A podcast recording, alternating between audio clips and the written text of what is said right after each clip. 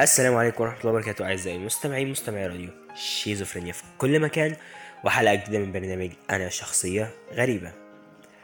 حلقتنا النهاردة هنبتدي فيها زي ما بنبتدي كل مرة بنذكركم بإخواتنا في فلسطين وإخواتنا في كل الأرض اللي بيحتاجوا مننا الدعاء بيحتاجوا مننا المساعدة. وفي نفس الوقت ما ننساش إخواتنا المحتاجين فعلا في بلدنا مصر وإن إحنا لازم نقدم لهم مساعدة على مقدرة من الاستطاعة عندنا. نبدأ حلقتنا النهاردة. حلقتنا النهاردة هنتكلم فيها عن شخصية بنسمع عنها كتير بس ممكن كتير مننا معرفش هي إيه دي أو إيه هي الشخصية دي. حلقتنا النهاردة هتكون عن الشخصية السيكوباتية أو الشخصية المعادية للمجتمع أو هو شخص مريض عقلي أو شخص عنده اعتلال نفسي. آسف جدا على المقاطعة. إيه الشخصية السيكوباتية ديت زي ما قلنا هي اضطراب الشخصية المعادية للمجتمع. هي دي الشخصية السيكو- السيكوباتية آه هي دي الشخصية السيكوباتية شخص بيعادي المجتمع والصفة ديت آه بتظهر جدا في وقت ما يكون الشخص ده عنده 18 سنة. بتظهر معاه عل- علامات اضطراب سلوكي عند الأشخاص منذ الطفولة. يعني من وأنت صغير كده بتبدأ عندك الأعراض دي تظهر.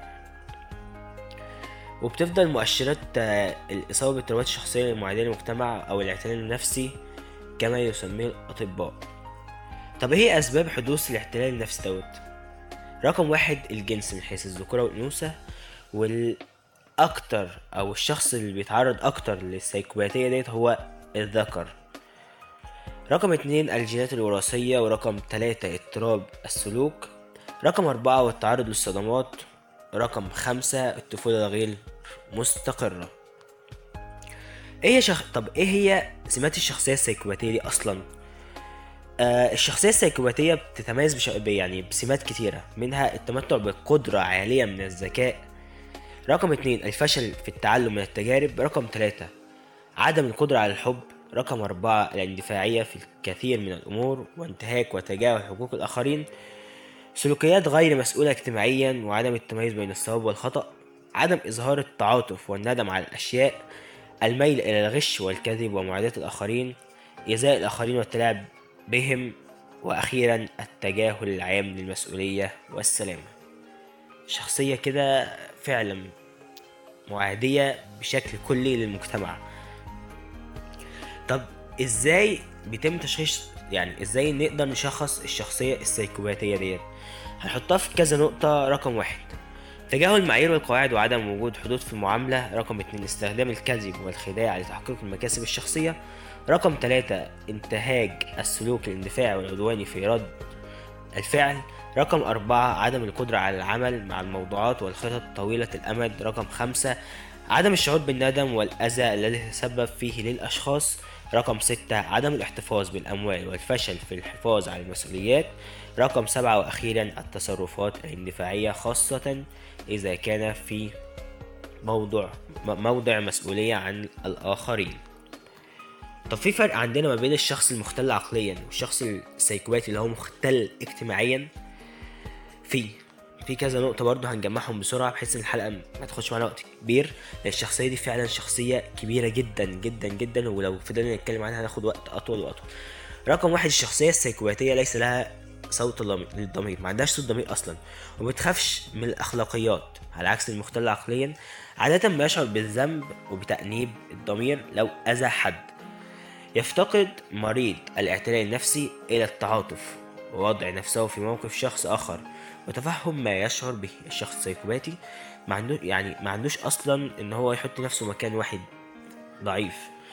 يميل الأشخاص المصابين باضطراب الشخصية المعادية للمجتمع إلى استخدام العنف في حياتهم واستخدام أسلوب التلاعب للحصول على ما يريدون.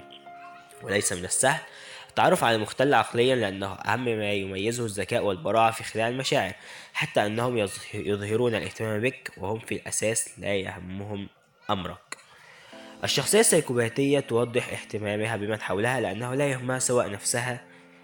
آسف آسف آسف. الشخصية السيكوباتية توضح عدم اهتمام هي ما بتهتمش بالشخصيات اللي حولها وهي أصلا ما بيهمهاش غير نفسها دون التفكير في تأثير الآخرين بأفعالهم.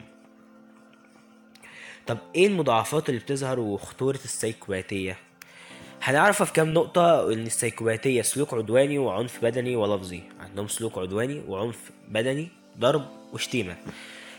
السلوكيات الجنسية خاطئة وإدمان المخدرات وشرب الكحوليات والإساءة للأطفال ومواجهة صعوبات في العلاقات والتعرض للحبس التفكير في الانتحار ومواجهة صعوبات في العلاقات الاجتماعية والتعرض للمشاكل في المواقف الحياتية والتعرض للتشرد وتدني الأوضاع الاجتماعية والاقتصادية.